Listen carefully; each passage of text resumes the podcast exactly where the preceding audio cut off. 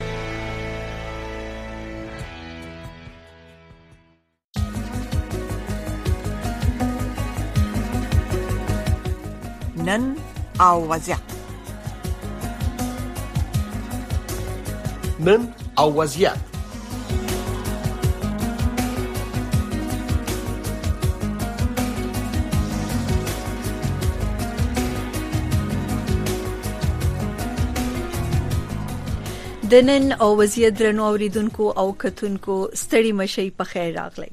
زیم نننې ستاسو نننې قربانه شیناز نفیس او درنو اوریدونکو څنګه چې تاسو په خبرونو کې واوریدل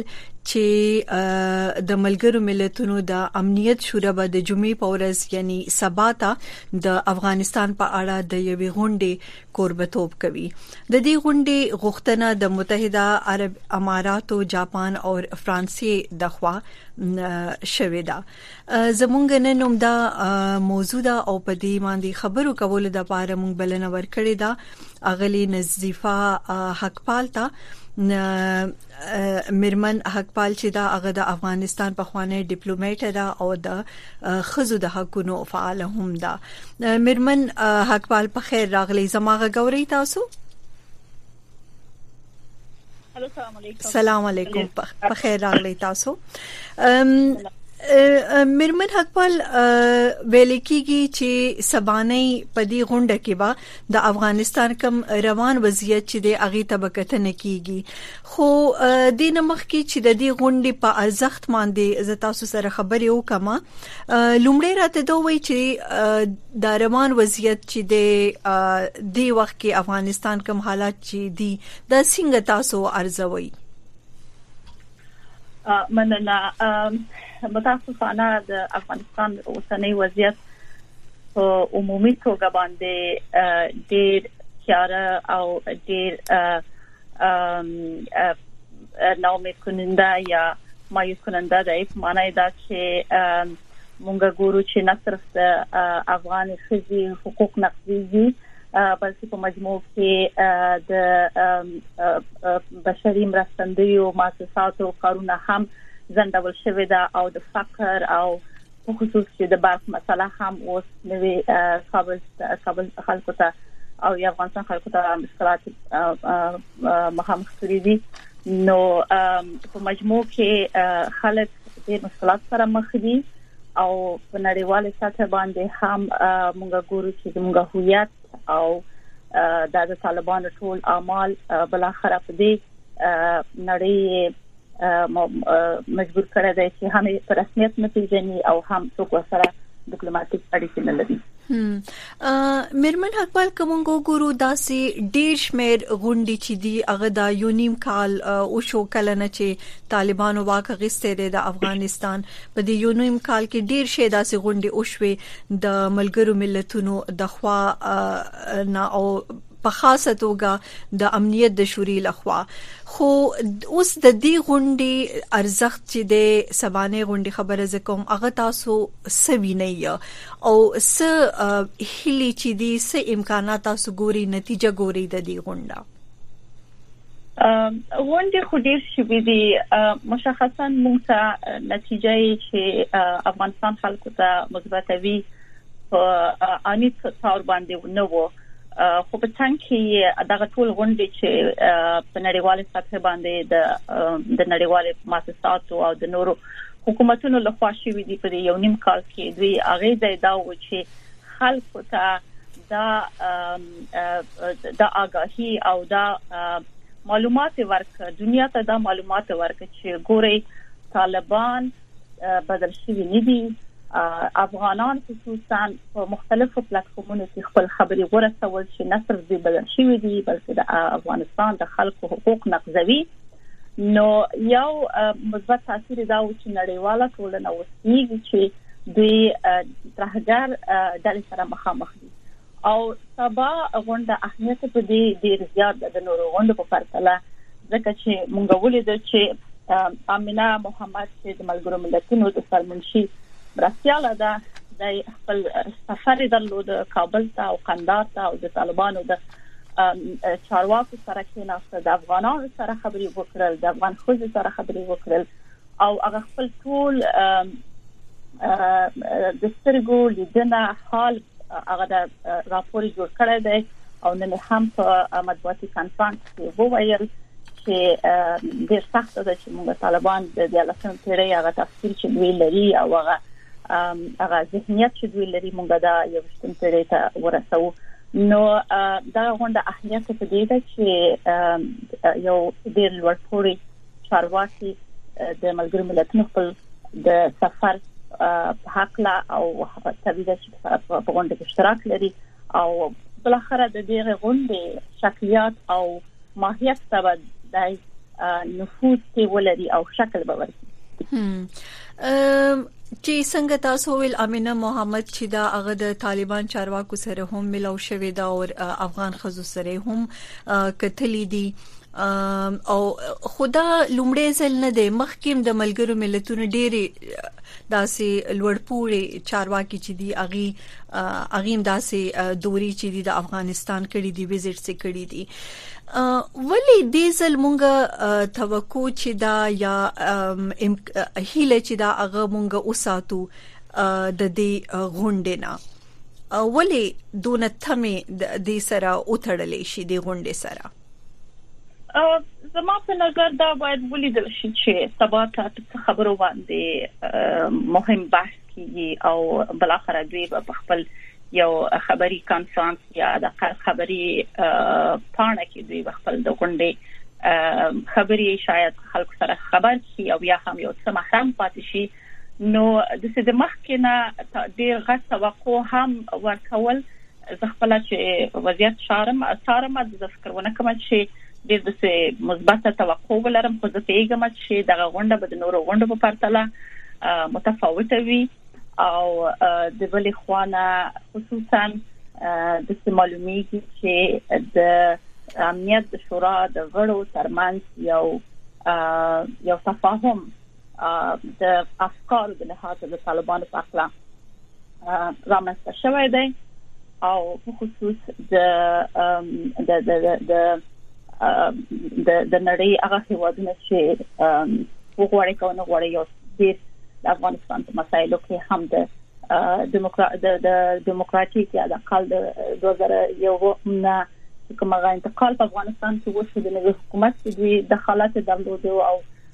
حمایه کول او بالاخره د دوی هغه څه په عجله باندې وتل او هغه وتل د افغانستان څخه په خصوص د امریکایانو وتل لارې هواره کړله د طالبانو د راتګ ته او د دوه تړون چې ورسره لاسلیک کړل د معلومیږي چې د دوی د اظهاراتو څخه چې دوی هم یو څه د طالبانو او د اغوی د مرستندویو لخوا چې هم هیوادونه دي او هم استخبارات اړي کړي دي دوی د خوانه هم دی یو څه دوکه شوی و خو اوس چې مونږ وګورو میرمن حقپال هغه دا چې دا ډیر کارپوهان چې دی هغه دا وایي چې سبا دا کومه غونډه بکیږي نو دې کې د افغان ښځو چې کم وضعیت دی هغه به وړاندې کیږي چې د وخت کې اغي د څه مشکلات نه تیریږي یا چیلنجونو سره مخ دي او وړاندیزونه هم داغي هم توقع کیږي چې وړاندیزونه به هم مخې ته راځي خو کومنګ وګورو د طالبانو د خزو حقوقو پر ضد یا د خزو پر ضد کومه کومه پالیسی چې دا د دي مونږ ټولو ته پته ده چي نه مذهب سره يې څه تعلق شته دی نه يې افغان کلتور سره څه تعلق شته نه يې د افغانستان کي څه قانون سره دا څه اړخ لګوي دا د طالبانو خپل يو سوچ دی دا غي يو فکر دی نو دا څنګه کې دی شي چې دا بدل شي دغه سوچ او فکر بدلولو د پاره دا یو مایند سیټ چې دی د طالبانو دی بدلولو لپاره باید نړۍ چې دا هغه سوکي او د ملګرو ملتونو پرنګ ادارې چې دی هغه سکولې شي بالکل تاسو ډیر دقیق وویل اصلا ایدئولوژي هم ښه شی دی او هم بد شی دی خواله په دې کې چې که تاسو وګورئ دغه پرمختګ نړۍ ته وګوري مثلا دلته د د خلکو د واک په اړه ایډیولوژيګان ول چې بالاخره انقلابونو ته دوی وصل شول او قوانین تغیر وکړل او بالاخره دوی لاړ مدرنیته طرف ته او دوی ژوند اوس په هوسا ژوند کوي دوی په نړۍ کې نو دا د دوی ایدئولوژي و چې بالاخره پرمختګ یې وکاو پاتې کیږي چې بد ایدئولوژي او هغه ایدئولوژي چې مونږ ګورو چې ورځ تر ورځه افغانستان ته افغانانو ته بدبختي راوړې ده او امغه څه چې تاسو ویل د دوی ایدئولوژي لا د افغانستان د کلچر پورې اړوند او هم د اسلامي شریعت د احکامو سره هم په مغایرت کې دی او په مخالفت کې دی او دا ډیره خطرناک ایدئولوژي ده او دغه ایدئولوژي د تغییر لپاره نړۍ باید اوس په دې باندې پوه شي چې د هغوی هغه فرضیه چې دوی تقریبا دولس دیارلس کاله مخکې چې کله د دوحې دفتر دوی ته خلاص کو او کوشش وکړ چې دوی سره خبري وکړي دوی سره بل اخره د تعاملات او او او د مراودات لارې دوی حکومت چې دخیل کې او بل اخره دوی د ترهګرۍ نه لاس واخلي نو موږ ولیدل چې په عمل کې دا فرضیه غلطه وه او دوی نه صرف دا چې دوی بدل شوی نه ول بلکې دوی د پخوانه ډیر خصوصا ډیر کړي شته په دوی کې چې دوی د پخواني چارواکو د پخوا هغه خلکو څخه چې دوی په غنظام کې ولاو چې د معلمې په توګه ولاو چې د ماموري په توګه ولاو چې د یو عادي کارمند ژورنالیست او د مدافع د حقوق بشر په توګه و د دوی څخه انتقامونه اخلي نو د دې څخه معلومیږي چې ماینډسیټ او ایدئولوژي بدلول امکان نه لري په ډیر په لږ کالو په شل کالو یا په پنځه کالو کې دا یو ډیر سلو پروسه ده نو بنان نړۍ باید په دې اړه جدي اقدام وکړي په خصوص دا چې په نړۍ په سطح اوس دنیا ډیر بدل شوې ده د خزو حقوق او د بشر حقوق په مجموع کې د بیان ازادي دا هغه شیان دي چې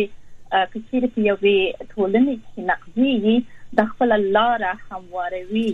فقر ته بېوزلۍ ته، ناامنیتي ته او بالاخره ترهګرۍ ته او دغه ترهګري څنګه چې موږ ولیده په ناین الیون کې دغه ترهګري بیا هم کېږي چې هم نړۍ ته تهدید بیا ترمنځ ته کړي او په خصوص د سیمې هېوادونو ته. کومګو ګورو د یو نیم کال کې نړۍ چې دا صدا سه اقدامات کړي دي د طالبانو پر ضد پاغي باندې فشار اچولو د پاره چې اغي کانې کې چې د کم ان بشري حقوق دي په خاصه توګه د خزو د جنکو کم حقوق چې دي هغه چې اغي تور کړی لکه سفري بندیزونه چې دی هغه په بازو طالبانو باندې ولګیدل او سپوري یو د نړۍ یو هوادم طالبان په رسمیت باندې د دې حکومت چې دی نه دی پیژندلې د دې واکمنۍ نور داسې سدي چې ستاسو په فکر باندې چې هغه تر اوسه نه دي شوی د نړۍ د خوا صدا سي وکړلې شي چې په طالبانو باندې فشار واچول شي د هر څه کولو لپاره یو شی چې نه د شوی هغه دا ده چې نړۍ باید الټرناتیو یا بدیل باندې په یو په یو بل آپشن باندې چې باید فکر وکړي او هغه حمایه کړي دا نه ده کړې هغه حمایه زموږ هدف دا نه ده چې حتمان تاسو مقاومت ته ولاړ شئ علاوه کوي او جنگ شروع کوي هغه الټرناتیف کیږي په مختلف اشکالو باندې وي مثلا همدا اوس مونږ ګورو چې د نړۍ په سطح د واشنگټن نه نیول تر لندن او تر ټول اروپאי مملکو او تر اسلام آباد او ایران کې فعالین خځې فعالین دي سیاسي فعالین دي چې هر ورځ جلسات نیسي مظاهره کوي لیکل کوي په مختلفو پروګرامونو کې د نړۍ سره دوی د اروپا د پارلمان نور د نور ممالکو کې دی راځي غږیږي نو د دغه یو قوت چې فعلا شته او هغه اورګانیک قوت د انډیجنس یا داخلي قوت د انسان د افغانستان ده چې هغه خېزي دي هغه هغه ځوانان دي دوی ټول افغانستان کې کار کړی وو دوی مجبور شول چې وټول دوی ته باید رسمیت ورکړي نړۍ باید دوی سره خبرې وکړي دوی باید منسجم شي دوی باید بسیج شي او بل اخر دوی دوی باید ځای ونیسي د طالبانو او او او دا کار کیږي خو د نړۍ حمایت کوي نو دغه کار به په سرعت وشي او بیا هم خپل مغه دریس لکه د رسمیت نه پیژندل نور هم بندیزونه لګول سفر اقتصادي بندیزونه په دوی باندې لګول نه د افغانستان په خلکو باندې او خصوصا چې مرستندوی حکومتونه کیږي افغانستان افغانانو ته باید ورسیږي خلکو ته باید ورسیږي نظارت باید وي په حکومتونو باندې نه دا چې پیسې طالبان حیث مایل کی او لبل خوانه مهمه ده هم ده چې باید د هغه هیوادونه چې د طالبانو سره نږدې اړیکې لري هغه هیوادونه چې دوی سره استخباراتي اړیکې لري او هغه کړي چې په خصوص په خلیج هیوادونو کې دغه دوی باید په ګوته کې د استخباراتي لپاره او دوی باندې باید تعزیرات وصل ولګوي او په څنګ کې د دوی د دوه دفتر وتړي د دوی فامیلونه چې په پاکستان کې دي په په دوحې کې دي په نور عربي مملکو کې دي په دوی باندې باید د تعلیم او د اوسېدو بندیز ولګول شي دلته چې مونږ وګورو مرمن حقپال ټولو نه زیات ویل کیږي چې کپ طالبانو باندې څوک نفو اثر یا نفوس لري هغه پاکستان دی هغه یو داسې هیواد دی چې طالبانو باندې فشار اچولې شي چې څنګه تاسو اویل او سپوري د ویل کیږي چې د طالبانو کم فامیلونه دي د اغي فیملیز دي هغه په پا پاکستان کې دي الته بزنس کوي الته ژوند کوي او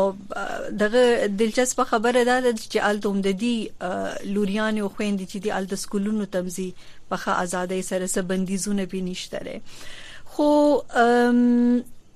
دا توقع د پاکستان په رنګي هیواد نه تاسو کولی شئ چې هغه به په راتلونکي کې څه فشار چې دی هغه به په طالبانو واچوي د هر څه لپاره خپل څه کردار چې دی هغه به اولوبوي تاریخ وخود چې په دې شلو کلونو کې خصوصا هغه د تروریزم په ضد مبارزه کې طالبان صادق نه وو د امریکا سره په بیاناتو کې په اظهاراتو کې دوی خود چې دوی اړیکې نه لري او دوی ته ځای نه ورکوي پناګاوي نه ورکوي خو په څنګه کې مونږ ولید چې هغه د اسامه بن لادن په ابتدابات کې پیدا شو او هغه گیم یا هغه لوبه چې و متاسفانه دا وې دا ورکی پاکستان ورته او څنګه دا هم باید وویل شي چې د پاکستان د سیاست د څېړلو لپاره دا ډیر زیات مهمه ده چې په دې باندې پوه شو چې ملکی حکومت یو څه دغه نه لري اختیار نه لري او او خصوصا ارشای د استخبارات او د پاوس پلاس ده نو په دې اساس زه فکر کوم چې د پاکستان سره چې پاکستان مستقیما فشار راوړي د طالبانو باندې او موږ ګورو چې د اوسنۍ کې هغه د د مسدد ټي ټي پی مسله هم د دوی سره او څنګه د دوی د خارجه وزیر هم یو څه اظهارات درلود او د بارډر مسلې نو دوی خپل ګیمونه لري د دې تحلیل یو څه مشکلات شته خو بیا هم زه فکر کوم چې هغه وضعیت چې فعلا موږ ګورو خصوصا د طالبانو کچيري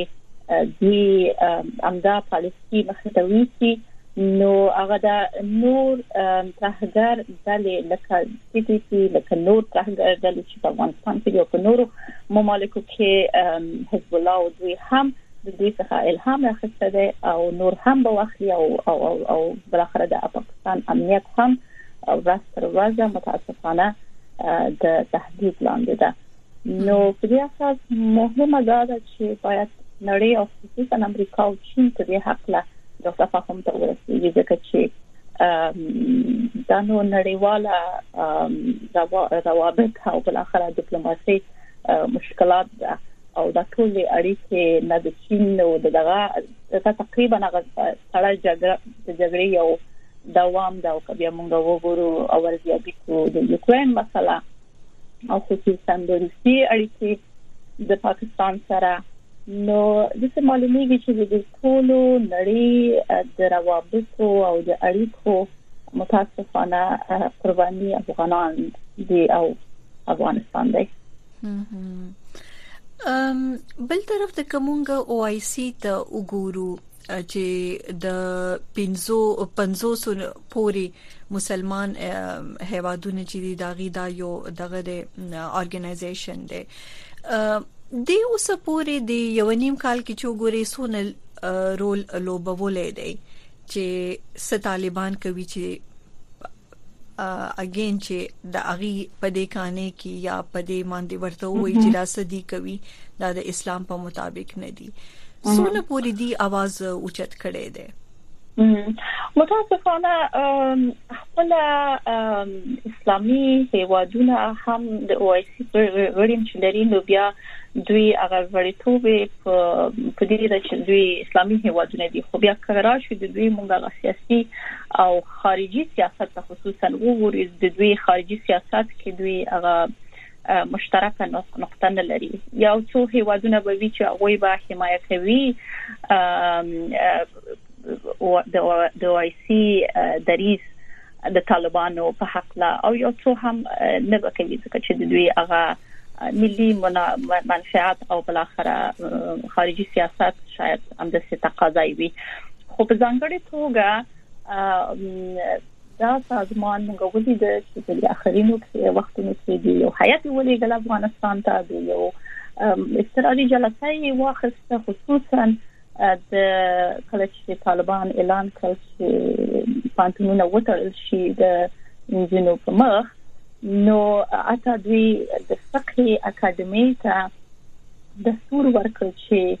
دوی د نړۍ د نورو د نورو اسلامي فقها او علماو سره مشوره وکړي او د اسلام په اساس کام باید دوی جمعوری کړي او یو نړیواله کمپاین باید شروع کړي او په دې کمپاین کې باید دوی وخی طالبانو ته چې دوی دغه دریز د هغو په خپل غیر اسلامي ده او دوی هم ډیر په واضح توګه وویل چې اصلا اسلام دین د قران څخه شروع شوی دی چې کله حکم دی یا آیت دی او دغه آیت هیڅ اصلا دغه نه لري دا فعل نه لري چې مثلا دا امریه نه لري چې د خزې د پاره اقرا ده د نارینه د پاره نه ده د ټول بشریت د پاره اقرا ویل ده چې لوست وکړي دا سو او احادیث هم هم د څه خپل د نړۍ یو ډیر مهم پانتون د پوسټ دلته په لندن کې د درس وایم درسونه اگرچه یعنی بشري حقوقو په اړه د خډیر اسلامي عقاید او اسلامي احکام په اړه ډیر د علماو نظریات او او خصوصا احادیث د چې موږ مطالعه کوو د تفسیر ته ګورو اصلا په هیڅ کې د اسلام په دین کې د اسلام په تاریخ کې په حدیثو کې تاسو د یو مورد نه ګورئ چې خزه د د د خصوصا د زده کړې څخه محروم شوي دي او په شخصي مواردو کې د کورنۍ په وظایفو کې یو څه توپیر ورکړل شوی دی چې هغه طبیعي ده چې د خپل توانایي او وړتیاوې دي خو د علم او د کار په حق له اصلا هیڅ تبعیض نشته په هغه وخت کې چې 200 کاله مخکې په لویدیز هیوادونو کې چې په انګلند او نورو ځایونو کې خزه د رای حق نه درلود د ملکیت حق نه درلود او اصلا برابر حق نه درلود خو اسلام کې څل څو کال مخکې خزه ته د ملکیت حق ورکړی دی خزه ته د د د د زده کړې حق ورکړی دی بنان دغه د اسلامي بحث د طالبانو سره کول زما په نظر متاسفانه خبر ونه کوم چې نتیجه ورکړي ځکه چې د دوی تفسیر د اسلام څخه ډیر توپیر لري او تاسو وګورئ په نړۍ کې تقریبا 2 بلیون مسلمانان دي تاسو د نړۍ یو هیواد یو کله وخایي چې هلته یو څوک راشي او وایي چې تاسو یو ځلې د نقاب باید ولري د حجاب باید ولري او یوازې سفر نشي کولای یا د خپل د تعلیم نه محروم کی هیڅ شي ته مثال نشته سعودي چې د د مکه معظمه کې د او د اسلام پیدایش ځای دی او موږ ګورو چې ښځه مینه کیږي مرستل کیږي د وزارت د خارجي سفیر لري په واشنگټن کې موږ ګورو چې ښځه په فوټبال کې او ډرایوري حق نه درلود حق لري اوس موږ ګورو چې اوس سعودي هغه ښځه ته چې به محرمه په خوا د حج لپاره راتلل ویزه به نه ورکول هغه اوس مجاز ورکړی دی چې به له محرمه کولای شي حج لپاره راشي لاړ شئ تاسو مثلا همدا قطر ته وګورئ د امارات نور ممالک ته په خلیج کې تاسو وګورئ ترکیه او پاکستان خو پرېږدئ پاکستان اولنې اسلامي هیواد ده چې د اسلام په تاریخ کې په سترې محکمې کې قاضي خزه مقرره شوه هیئت د قضایي یو خزه مقرره شوه دغه خزه په څه مقرره شول په دې چې خپل درایت درلود تعلیم کړی او تحصیل کړی او په شریعت باندې په قانون باندې په سیاست باندې په دغه خزه علم نه درلود نو هيا دا کول شي چې په هغه مصدر ته ولاړ شي اگر چې د فقها او نظریات د خزه د قضاوت په اړه مختلف دي خو خصوصا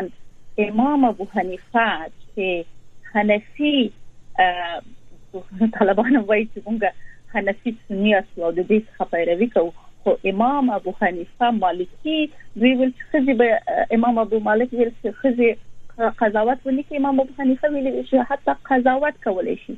تاسو خیدا دې ته وګورئ که خزه چې قضاوت کولای شي بیل علم خزه قضاوت کولای شي که خزه چې مخ مکمل پټ وي خو یې معلوم نه وي نو څنګه هغه وخت قضایي محکمه به دایر نو دا شیان تاسو ګورئ د اسلام په صدر کې د اسلام په تاریخ کې او چې څنګه تاسو ویل مرمن حقپال چې دا کوم اسلام مونږ مونږ د افغانستان کې نن سبا ښکاری او د اسلام په نوم باندې طالبان چې څه کوي دا مونږ ته د نړۍ یو مسلمان هیواد کې دا څه نخکاری او دا به لیکيږي چې د اسلام کم امیج چې د طالبانو د دې تګلارو د وجنه چې د اسلام په نوم څه کوي هغه سره دا ایمیج ته ډیر نقصان چې دی هغه ورته زیان ورته رسیدي دی او د ملګرو ملتونو مرستيال چې دا اغي هم دا غوښتنه کړې ده چې طالبانو سره دی باید مرستي وشي چې طالبان د درلسم پیړۍ سوچ نه راوځي او د یوشتمې پیړۍ په مطابق خپل هغه فکر چې دغه بدل کړي اړې ته راولي اډوانس کی خپل سوچ یا فکر د دې سونه امکانات تاسو ګورئ او کوم قسم مرستې باید وشي چې د دې دا فکر چې دی د هغه په وینا د درلسم پیړۍ نه راوځي زما په نظر او زه فکر کوم چې اکثریت ټولنه په هان چې یا سوشیولوژیست ورته وایي دوی فکر ونه کوم چې د امنه محمد په دې خبرې باندې موافقه وکړي چې یو څوک مکمل قدرت په لاس کې لري دوی ډیسپوټیک یا کاملا دیکتاتوري نظام جوړ کړی دی د هغه خلکو ته چې مخالف نظر د دوی لري هغه ته حق ورنکړي چې خبري وکړي او تاسو د هغوی سره مرسته وکړئ چې د دې سوچ ته تغیر ورکړي سوچ ته تاسو آیا دا طالبان راوړي واشنگټن ته لندن ته راوړي شپږ کال دلته وسی څلور کال وسی په دې باندې د دې سوچ ته چینج وشي تغیر به وشي دا امکان نه لري سوچ یا یو ټولنه په هغه مورد کې تغییر کوي چې په ټولنه کې یو څه ازادي وي ازادي وي چې هغه مخالف نظریات واوریدل وي، د مخالف نظریات څه شي لپاره وي، هغه د اصلاح لپاره وي، د ټولنې د اصلاح لپاره وي. تاسو ولیدل چې موږ ګورو چې حضرت عمر دغه ته خطابه کې وویل مسلمانانو ته چې ګورې زه تاسو خلیفہ یم خو معنی دا نه ده چې زما ټول خبرې به صحیح وي که چیرې زه یو غلط کوم به کوم عدالت نه کوم تاسو راځي ما ته ووایي چې زه دا درس کوم اوس چې ډیر مننه تاسو مرمن نظیفه حقپال ډیر مننه یو ځل بیا تاسو د وخت زمو پروګرام چې دی بالکل ختم شوه دی د اوریدونکو هم ډیر مننه کوم شیناز نبی سي اجازه ورکړي د خدای پامان